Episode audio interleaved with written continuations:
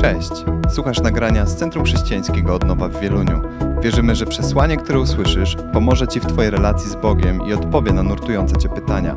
Więcej o tym, kim jesteśmy oraz w co wierzymy, znajdziesz na naszej stronie internetowej centrumodnowa.pl.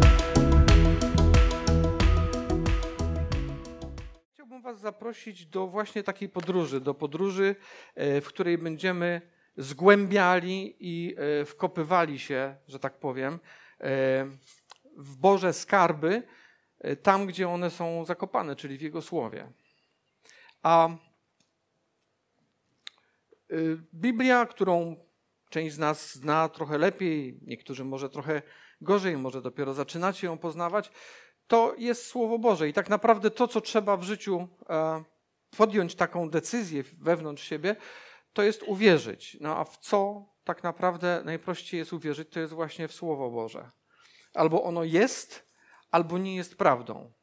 Słowo Boże nie może być prawdą trochę. Słowo Boże nie może być prawdą trochę. Może być albo w 100% prawdą, albo nie jest w ogóle prawdą. Zgodzicie się ze mną?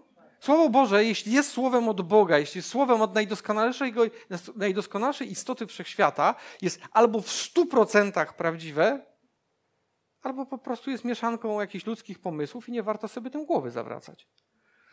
A kiedy czytasz Biblię, kiedy czytasz yy, Nowy Testament, Stary Testament, to czasami porównując go z Nowym Testamentem, robi się takie w głowie wrażenie, że to chyba jest inny Bóg. Bo tamten Bóg był taki bardziej, wydaje się, jakiś, nie wiem, szorstki, bardziej wymagający. A, ale chciałem Was przekonać, tych, którzy jeszcze o tym nie wiecie, że to jest dokładnie ten sam Bóg. To jest ten sam Bóg, który jest żyjącą i chodzącą miłością, ale jest też sprawiedliwością.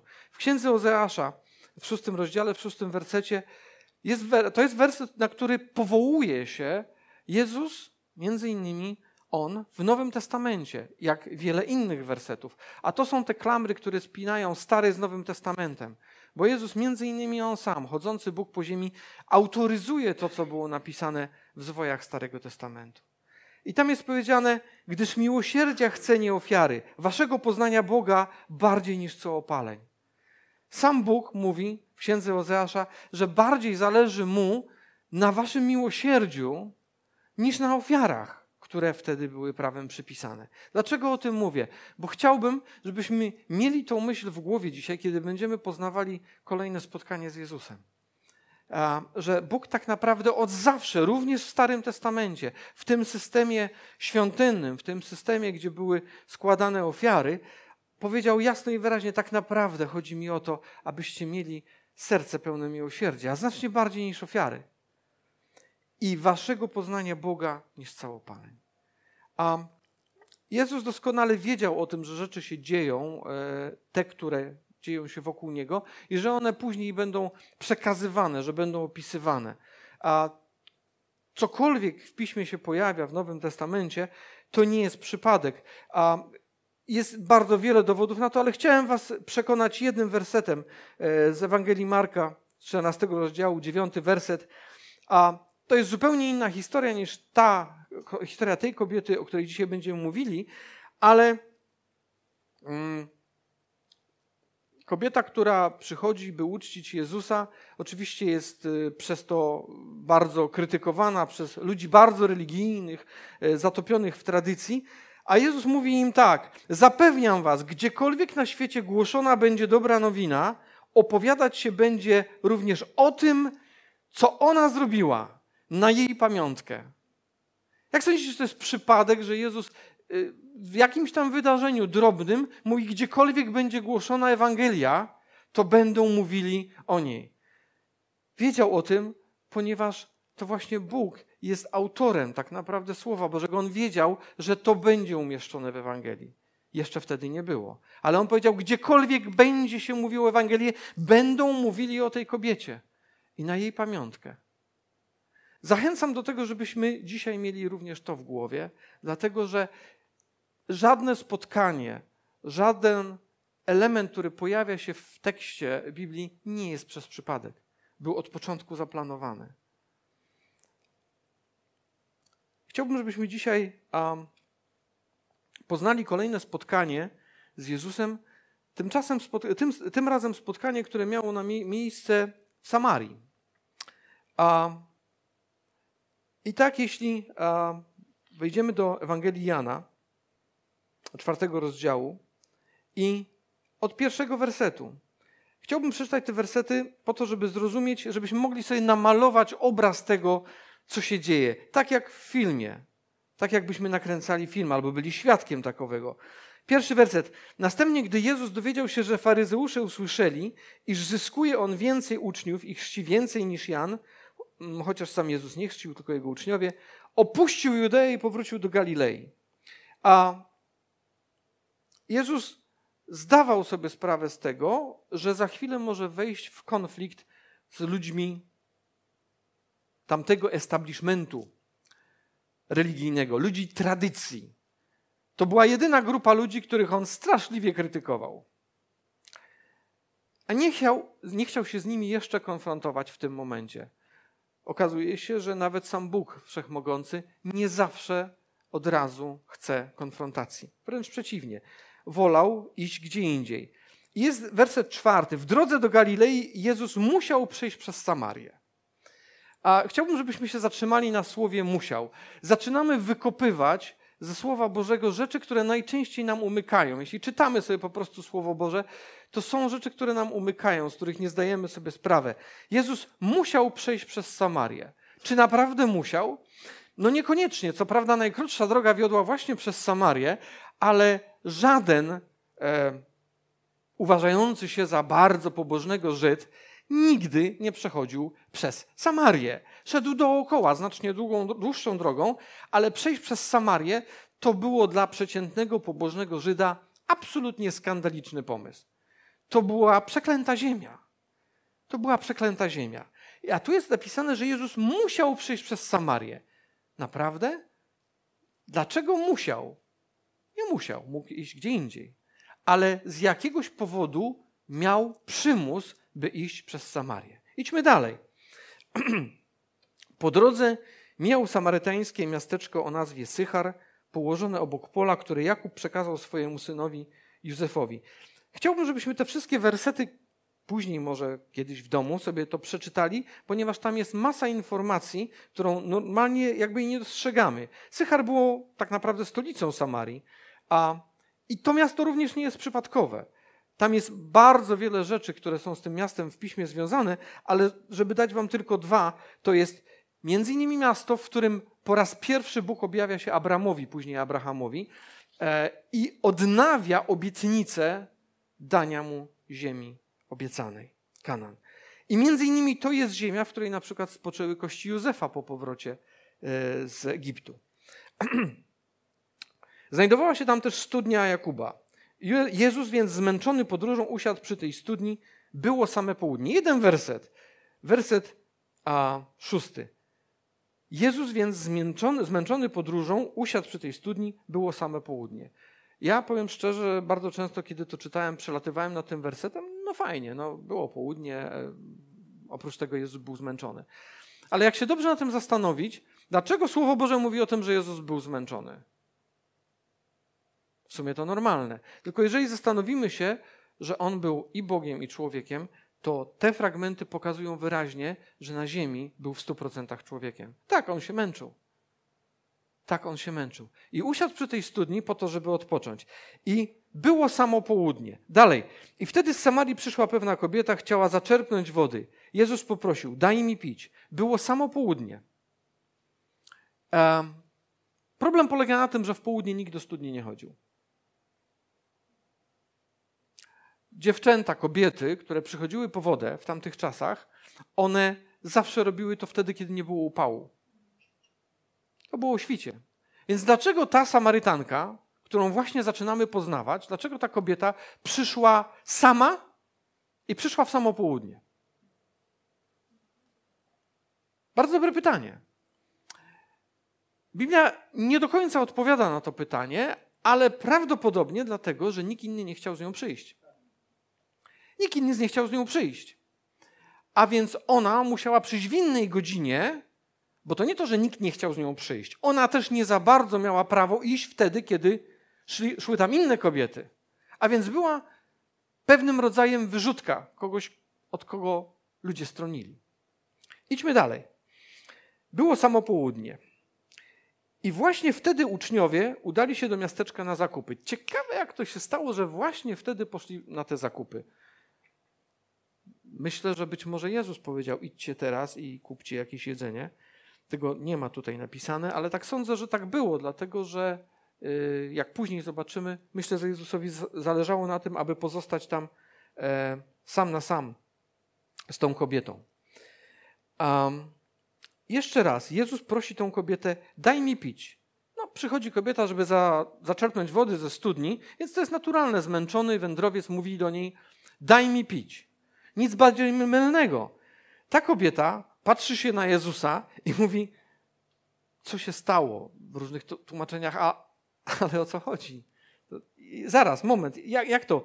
Ty, Żyd, prosisz mnie nie dość, że Samarytankę, to jeszcze kobietę, o wodę?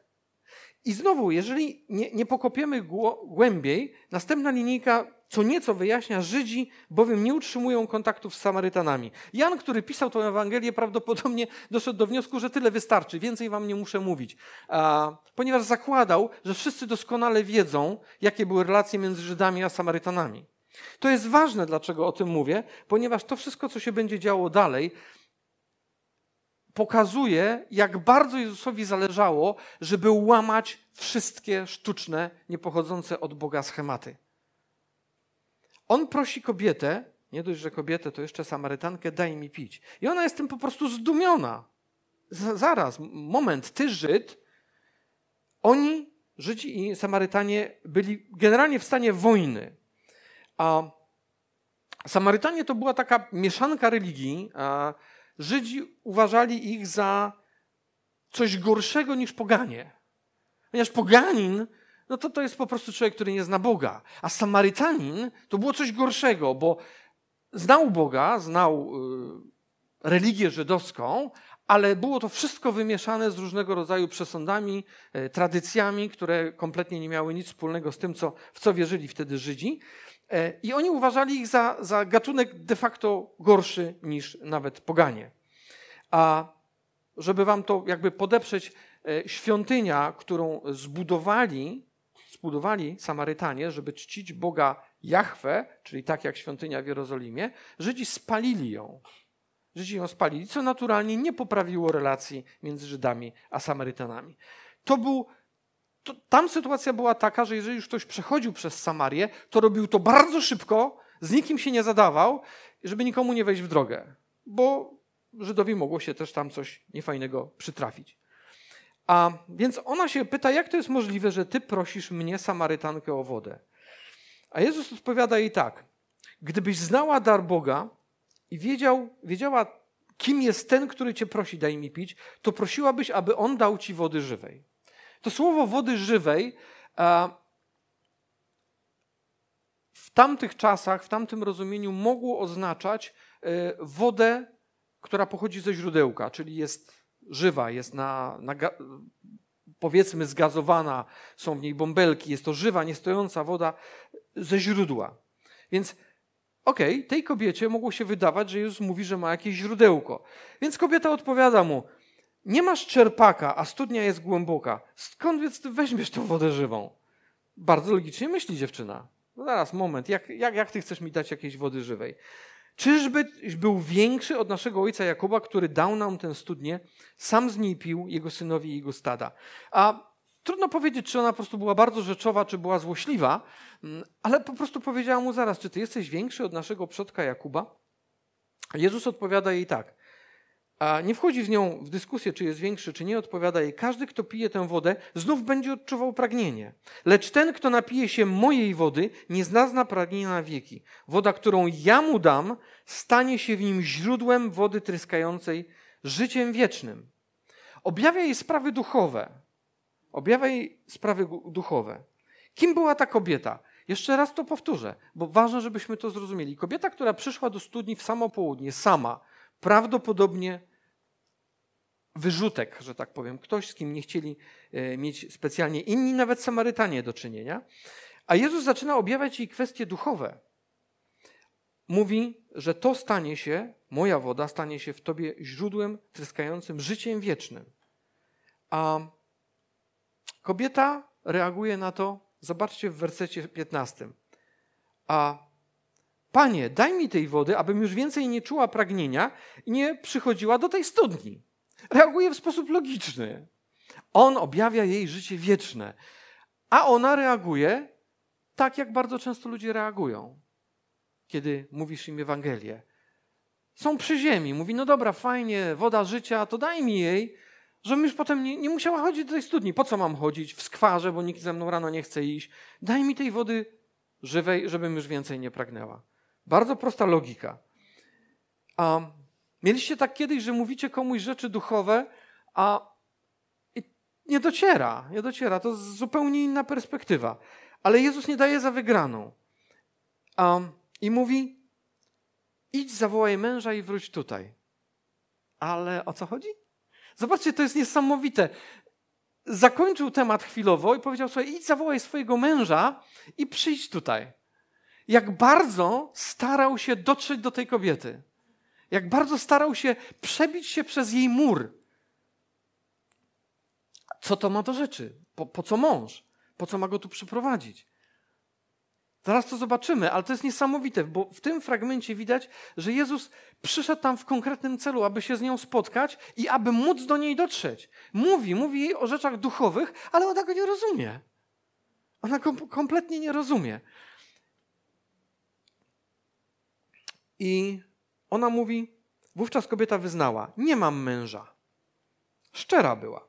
Mogła udawać. No dobrze, zapytam go. Nie, powiedziała, nie mam męża. Jezus na to, dobrze mówisz, męża nie masz, miałaś bowiem pięciu mężów, a ten, którego teraz masz, nie jest twoim mężem. Powiedziałaś prawdę. Kobieta jest w szoku.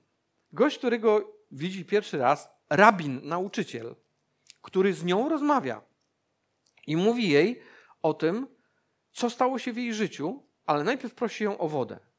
Chciałbym wam jeszcze uzmysłowić, że dla Żyda to już było niesamowite, a dla rabina, nauczyciela, to było absolutnie, to był kosmos. To był kosmos, że w ogóle rozmawiał w miejscu publicznym z kobietą. To było dla rabina coś niesamowitego.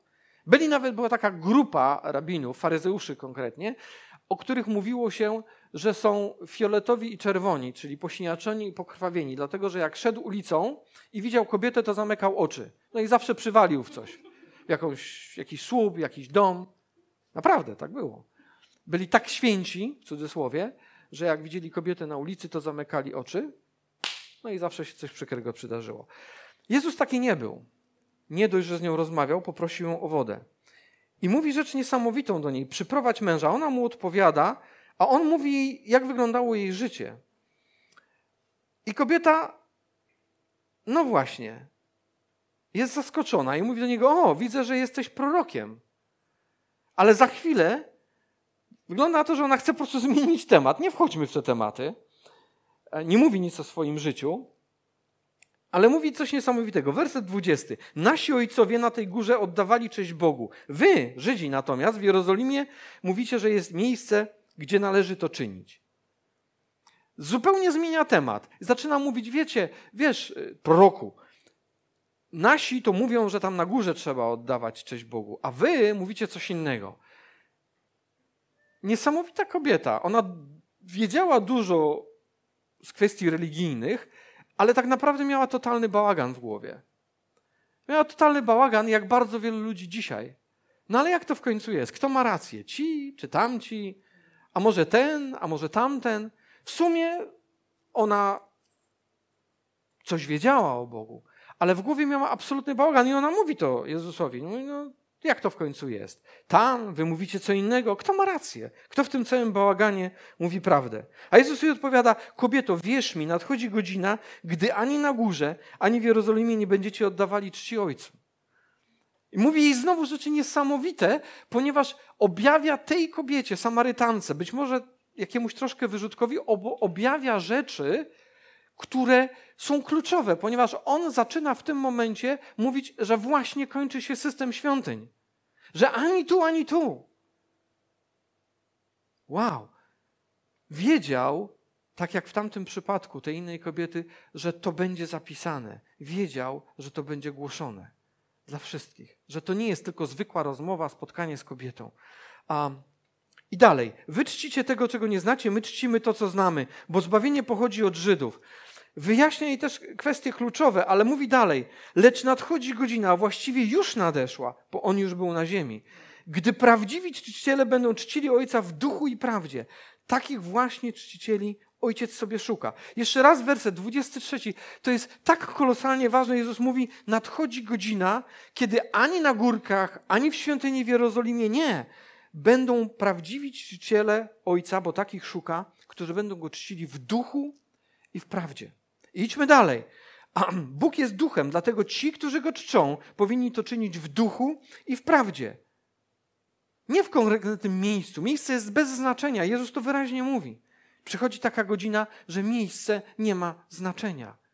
Ty masz znaczenie, bo ty stajesz się tym miejscem. Ty stajesz się tym miejscem. To ty jesteś świątynią Boga żywego. To ty jesteś świątynią. I on jej to mówi. Ona oczywiście jeszcze wtedy tego kompletnie nie rozumie. Ale on to mówi. I Jezus mówi dalej. Wiem, że ma przyjść Mesjasz, to znaczy Chrystus. Gdy On przyjdzie, wszystko nam wyjaśni. On mówi jej rzeczy, a ona jest kompletnie zagubiona. Ale co ty tam nie mówisz? Jak? Zaraz, moment. I wie, gdzieś ma tam z tyłu głowy zakodowane, mówiono jej, że ma, ma przyjść Chrystus, tak? bo to było zapowiedziane setki razy w Starym Testamencie. I kiedy przyjdzie, wszystko nam wyjaśni. I ona czuje, że ona w tym całym mętliku potrzebuje Chrystusa, który jej to wszystko wyjaśni. I tu następuje rzecz absolutnie kosmiczna, ponieważ Jezus do niej, do tej kobiety mówi: Ja jestem nim, ja, który z Tobą rozmawiam. Jezus, który wielokrotnie swoim uczniom mówił: Nie mówcie innym, że wiecie, że jestem Chrystusem. On objawia się tej kobiecie przy studni. Kobiecie, która była być może nieco frywolna, Biblia nie wyjaśni nam, dlaczego miała pięciu mężów, jaka była jej historia, czy tych pięciu mężów to, to była jej wina, czy nawet nie jest powiedziane, czy któraś, któryś z nich to zmarł, jest może wdową. Nie. Jest powiedziane, miałaś pięciu mężów, a, a ten, z którym jesteś teraz, nie jest twoim mężem. W tamtych czasach to był bardzo poważny grzech. I ona wiedziała o tym, że ma poważne problemy, że nie jest święta, w cudzysłowie. Ale Jezus rozmawia z nią zupełnie normalnie. Nie dość, że podchodzi do niej rabin, nauczyciel, Żyd, rozmawia z nią i mówi jej o jej życiu. A i teraz popatrzcie dalej, co się dzieje. 27 werset. Przyszli jego uczniowie i byli zaskoczeni, że rozmawia z kobietą. Żaden jednak nie powiedział, o co pytasz, ani dlaczego z nią rozmawiasz. Uczniowie wracają w tym momencie, tak na marginesie, kiedy oni odeszli od Jezusa, to prawdopodobnie na drodze musieli spotkać się z tą kobietą. Bardzo ciekawe, jak ją potraktowali. Pewnie musiała zejść z drogi i ich przepuścić. A Jezus z nią rozmawia. I przychodzą uczniowie i są zaskoczeni. Dlaczego? Jego uczniowie, którzy byli, e, no, szli za nim, są zaskoczeni. Nasz nauczyciel rozmawia z kobietą i to jeszcze z Samarytanką? Ale nie zadawali żadnych pytań. Dlaczego? Bo znali go już dostatecznie długo i wiedzieli, że był specjalistą w kruszeniu sztywnych tradycji wywodzących się z błędnego zrozumienia Starego Testamentu. Dlaczego błędnego? Dlatego pierwszy werset, którym dzisiaj powiedziałem, miłosierdzia chce, a nie ofiary. Ważne jest to, żebyście mnie poznawali, Bóg mówi, a nie żebyście trzymali się jak skorupy tradycji, które nie mają nic wspólnego z tym, co ja zamierzyłem. I w tym momencie uczniowie wiedzieli, że Jezus to robił bardzo często. Jezus niesamowicie, wręcz z premedytacją prowokował tych zaskorupiałych establishmentowców duchowych tamtych czasów, czyli znawców pisma, faryzeuszy, e, kapłanów, których po prostu drażnił tym, że robił rzeczy, które oni uważali, że to jest oburzające. Zadawał się z grzesznikami. A kiedy mieli do niego pretensje, tak jak ta kobieta, mieli pretensje, że co ty robisz, spotykasz się z grzesznikami, Jezus mówił, przecież przyszedłem tu po to, żeby leczyć chorych, a nie zdrowych. Wy jesteście święci, więc was nie trzeba leczyć. Oczywiście był ironiczny. Wiadomo, że oni potrzebowali go tak samo bardzo jak każdy inny. Ale kruszył te zasady. Pokazywał im, że ważna jest, ważne jest serce i miłość, a nie zasady, które są oderwane od serca i od miłości. Bo zasady są dobre, ale jeśli wypływają z miłości. I on to udowadnia. Idziemy dalej. Kobieta natomiast zostawiła swój dzban, pobiegła do miasta i zaczęła rozpowiadać. Chodźcie, zobaczcie człowieka, który mi powiedział o wszystkim, co zrobiłam. Myślę, że powiedział jej znacznie więcej niż Biblia zapisuje. To nie było tylko to, że powiedział jej o pięciu mężach. Prawdopodobnie mówił jej znacznie więcej.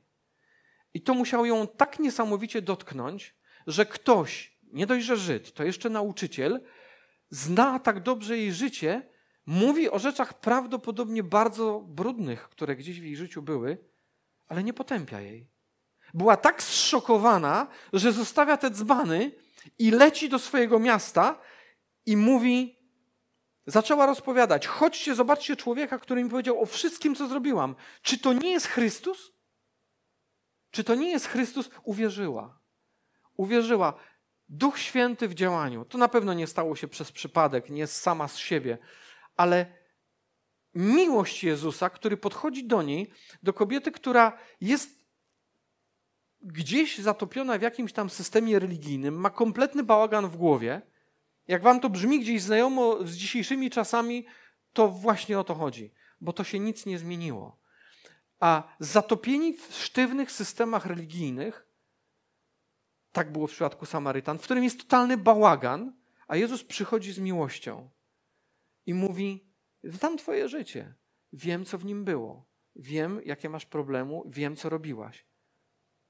Ale rozmawia z nią w dalszym ciągu i mówi jej o wodzie, którą ma dla niej, że z tego wypływa życie wieczne.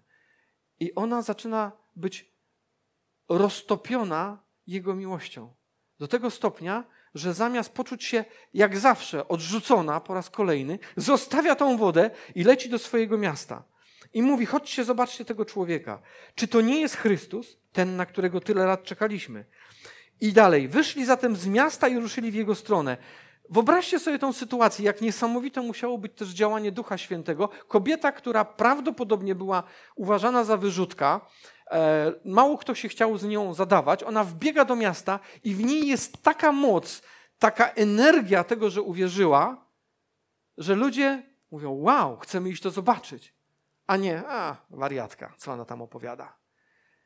A wiecie dlaczego tak jest? Bo jeżeli uwierzysz Jezusowi, jeżeli pozwolisz, żeby On do ciebie dotarł, otworzył twoje serce, to nagle to, co zaczynasz mówić, twoje świadectwo, ma tak niesamowitą moc, że rozwala mury. Że rozwala mury. I tak było z nią. Ona uwierzyła i jej świadectwo miało taką moc. Myślę, że to oczywiście nie jest przypadek, że kobieta, która miała kilku mężów, żyła później z jakimś innym człowiekiem i na pewno za to była potępiana w tamtym społeczeństwie, co zresztą widać z tego tekstu, że ona krzyczy o Jezusie i ludzie idą za nią, nawet wierzą na podstawie jej świadectwa. To jest niesamowite, jak wielka jest siła, kiedy uwierzysz Jezusowi i zaczniesz o tym mówić. Nawet jeśli świadectwo Twojego życia do tej pory nie było zbytnio piękne. Tymczasem uczniowie prosili go. To jest fragment, którym chciałbym, żebyście zwrócili jeszcze uwagę. Nauczycielu, zjedz coś. Zapędzony w tej całej gonitwie, uczniowie o niego dbają, mówi, panie, zjedz coś. E, on jednak im odpowiedział, ja mam do jedzenia pokarm, którego wy nie znacie. Uczniowie się zastanawiali, o co tu chodzi, czy ktoś mu coś przyniósł do jedzenia, a Jezus mówi, mam pokarm, moim pokarmem jest wypełnianie woli tego, który mnie posłał i dokonanie Jego dzieła. Zwróćcie uwagę, dokonanie Jego dzieła. Nie wykonywanie, tylko forma skończona. Przyszedłem tu, w tym momencie, ta konkretna, to konkretne spotkanie, ja wykonałem to, do czego Bóg mnie posłał. Jest niesamowite.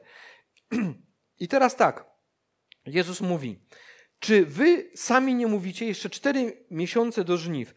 E, powiem szczerze, nigdy nie zwracałem uwagi na, na, na, to, na tą frazę. Cztery miesiące do żniw. Okazuje się, że jest to przysłowie w tamtym czasie. Oznaczało luz, mamy jeszcze mnóstwo czasu. Jest luz, spokojnie, mamy dużo czasu. To, to jest dokładnie to, co to znaczyło. Jezus mówi, czy nie mówicie jeszcze cztery miesiące do żniw? Otóż posłuchajcie. Podnieście swoje oczy i przyjrzyjcie się polom, są już dojrzałe. To jest tak, jakby mówił do ciebie i do mnie dzisiaj. Może ci się wydaje, że a jeszcze jest dużo czasu, mogę komuś mówić o Jezusie, mogę, a to jest nieważne. A Jezus mówi: obudź się, otwórz oczy, zobacz. Ludzie są dojrzali do tego, do żniw, żeby zbierać, żeby, żeby Królestwo Boże rosło. Nie wstydź się tego, w co wierzysz. A, albo uwierz i wtedy zobaczysz, jak bardzo cię to pociągnie. A, podnieście swoje oczy i przyjrzyjcie się polom, są już dojrzałe. Już żniwiarz odbiera zapłatę i zabiera, zbiera plon na życie wieczne, aby siewca cieszył się razem. Tak właśnie sprawdza się przysłowie. Jeden sieje, a drugi żnie. Ta kobieta też wchłonęła w swoim życiu masę różnych rzeczy. Ona słyszała o, o Chrystusie, że ma przyjść, więc ktoś ją czegoś nauczał w życiu. To nie jest tak, że ludzie są najczęściej zupełnie tabula rasa, że tam nic nie ma. Być może ktoś komuś już głosił Ewangelię wcześniej, może coś ktoś gdzieś czytał. Więc inni czasami się męczyli, żeby coś zasiać, ale ten żniwiarz na końcu który zasiewa konkretną Ewangelię, tak jak zrobił to Jezus. Powiedział jej o wodzie, o życiu wiecznym. I on mówi do swoich uczniów: Zobaczcie, obudźcie się, jest żniwo do zebrania, na co czekacie? 39 werset. Co do Samarytan mieszkających w miasteczku, to wielu uwierzyło w niego dzięki świadectwu tej kobiety, która rozgłaszała. Powiedział mi o wszystkim, co uczyniła. Gdy więc przyszła do niego, prosili, przepraszam, kiedy przyszli do niego, prosili, aby on u nich pozostał. I pozostał tam te dwa dni. Pamiętacie, jak powiedziałem, że jak y, Żyd generalnie, a szczególnie rabin, przechodził, znaczy raczej nie przechodził przez Samarię, ale jeżeli już musiał, naprawdę musiał, to robił to ekspresem, nie zatrzymując się nigdzie. A Jezus został tam dwa dni. Znowu jakby pokazać, to jest nieważne, co wy myślicie. Ja mam tutaj robotę do skończenia. I zobaczcie dalej. Wielu też uwierzyło dzięki Jego słowu, już nie dzięki temu, co mówiła kobieta, a do kobiety oni mówili: Wierzymy już nie dzięki Twojemu opowiadaniu, teraz sami przekonaliśmy się, że On naprawdę jest zbawcą świata. Jezus przychodzi do tych, którzy chcą go słuchać, a oni sami go zapraszali. Przyjdź, zostań z nami. On oczywiście mówi: Jasne, nie ma problemu. Dwa dni i odwrócił to miasto do góry nogami. Po upływie dwóch dni odszedł z Sychar do Galilei. A jeszcze raz chciałem wam przypomnieć ten fragment y, ze Starego Testamentu, z Księgi Ozeasza.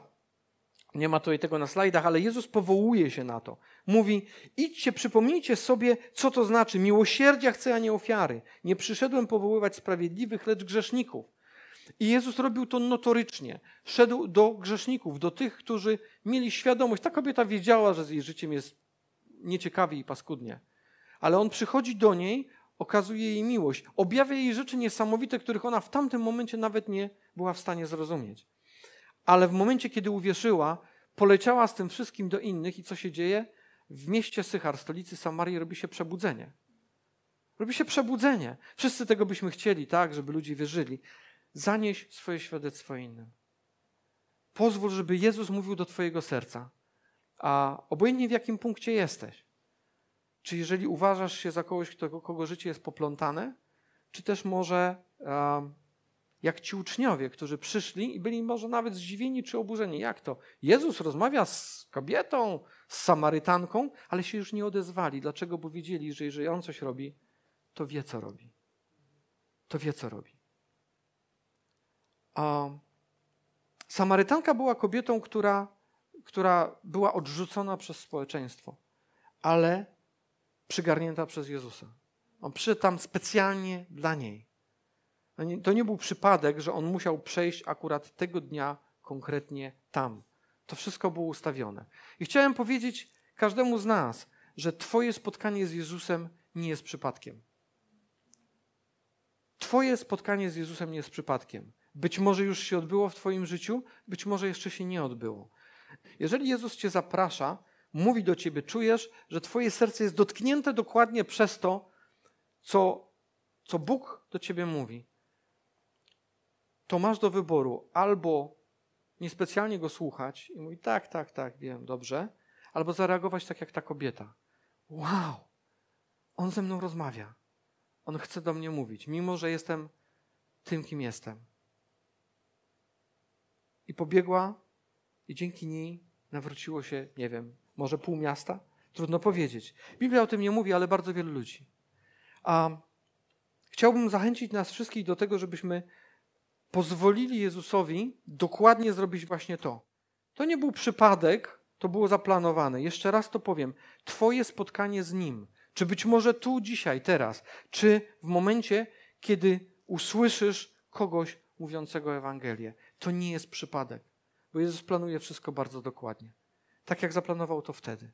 Był tylko w swoim, w swoim posługiwaniu, w swojej misji był 3,5 roku, ale przez te 3,5 roku odwrócił świat do góry nogami, bo później posłał innych, swoich uczniów, takich jak ty i ja. Posłał ich po to, żebyśmy zrobili to, co mieliśmy zrobić. W tamtym czasie byli też pośrednicy, i tamtym ludziom się wydawało, że przez nich sprawy się z Bogiem załatwia. Ale to właśnie ta kobieta, jak poleciała do ludzi i powiedziała im swoje świadectwo, to oni uwierzyli. Nie przez kogoś tam, przez pośrednika, tylko ona bezpośrednio, która spotkała się z nim, ze Zbawicielem, powiedziała: Słuchajcie, spotkałam kogoś niesamowitego. Czy to nie jest Chrystusem? Chodźcie, zobaczcie. Chciałbym, żebyśmy w tej chwili spróbowali wyobrazić sobie a siebie na miejscu tej kobiety. Może czujesz się odrzucony, a może zmęczony życiem, może zmęczony sobą, a przychodzisz w jakieś miejsce, gdzie przychodzisz codziennie, ale w każdym razie często, i nagle okazuje się, że tam dzieje się coś, co zmienia całe Twoje życie. Jak na to zareagujesz? Chciałbym, żebyśmy się pomodlili. Chciałbym, żebyśmy się pomodlili o to, żebyśmy potrafili otworzyć swoje serca dla Niego, który woła. Bo to jest w stanie zmienić absolutnie wszystko. To jest w stanie zmienić całe Twoje życie i życie tych, którzy są wokół Ciebie. Jeżeli jeszcze tego nigdy nie zrobiłeś, nie dedykowałeś siebie Jezusowi, nie, nie oddałeś Mu swojego życia, nie powiedziałeś, Panie, ja chcę być cały, cała Twój, cała Twoja, to możemy zrobić to teraz, jeśli chcesz. Jeśli to jest naprawdę w Twoim sercu, to możesz to zrobić teraz. Możesz powiedzieć tak. Tak chcę, żebyś Ty rządził moim życiem, żebyś Ty stał się tym, kim stałeś się dla tej kobiety przy studni, czyli Mesjaszem, Zbawicielem. Mesjaszem, Zbawicielem. Ona w Niego uwierzyła. Czy Ty w Niego wierzysz? Czy Ty w Niego wierzysz? Wierzysz, że naprawdę jest Mesjaszem. I to nie kimś dalekim, gdzieś tam, tylko stoi tuż obok Ciebie. Jeżeli tak, jeżeli chcesz mu to wyznać, możesz to zrobić teraz, powtarzając słowa takiej prostej modlitwy, która ma być tylko wyrazem tego, co dzieje się w Twoim sercu. Jeśli chcesz, aby on stał się prawdziwym zbawicielem Twojego życia, w takiej prawdziwej relacji jeden do jednego. Nie przez jakiś system, przez cokolwiek, tylko Ty i On. Pomódlmy się. Ojcze, dziękuję Ci za Twojego syna. Panie Jezu, przychodzę do Ciebie i proszę Cię, abyś przebaczył mi wszystkie moje grzechy.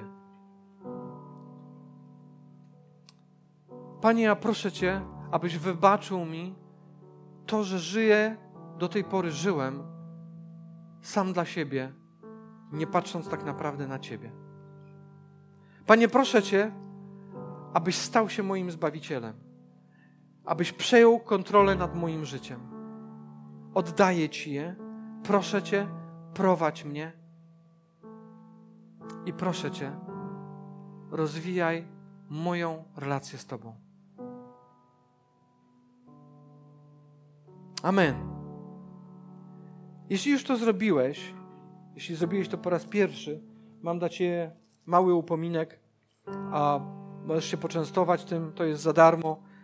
Nowy Testament napisany takim językiem uspółcześnionym, bardzo łatwo się to czyta. Niektórzy mówią, że Biblia czasami jest napisana trudnym językiem. Ten przekład jest bardzo fajny, lekki, więc fajnie się go czyta. Poczęstuj się tym, jest to prezent. I zobacz, kim jest ten, kto rozmawiał z tobą przy studni. Kim jest ten, kto powiedział, że jeżeli on da ci pić, jeżeli on da ci pić, to, to, to z ciebie wypłyną strumienie wody żywej. Chciałbym, żebyśmy się pomodlili, jeżeli jesteś w takim punkcie, gdzie, a, gdzie być może wszedłeś już w, taki, w taką rutynę. Znasz Jezusa, modlisz się, wszystko fajnie, ale czujesz, że, że w tym nie ma tego, co obiecał tej kobiecie, że nie ma tej, tego źródełka, nie ma tej wody żywej. Jeżeli tak jest i chcesz tego odnowienia, możesz podejść tu, pomodlimy się o to wspólnie, aby Bóg otworzył źródełko wody żywej dla ciebie. Żebyś został odświeżony, żebyś został napełniony tą świeżością, która spowoduje, że dostaniesz skrzydeł i będziesz chciał rozdawać to wszystkim. Jeżeli ktoś chce, wstańmy może, proszę. A jeżeli ktoś chce, jeżeli czujesz, że potrzebujesz takiego odświeżenia, że potrzebujesz, aby to źródło wody żywej zabuzowało ponownie w Twoim życiu, a to śmiało, możesz podejść, jeśli ktoś chce, śmiało, śmiało. Będziemy się o to modlić. Będziemy się o to modlić. Jeżeli potrzebujesz tego źródła wody żywej, które przemieni Twoje życie. Dziękujemy, że byłeś z nami. Wierzymy, że przesłanie, które usłyszałeś, zachęca Cię do bliższej relacji z Bogiem oraz poznania nas osobiście. Zapraszamy Cię do odsłuchania kolejnych nagrań, a także skorzystania z naszej strony internetowej centrumodnowa.pl.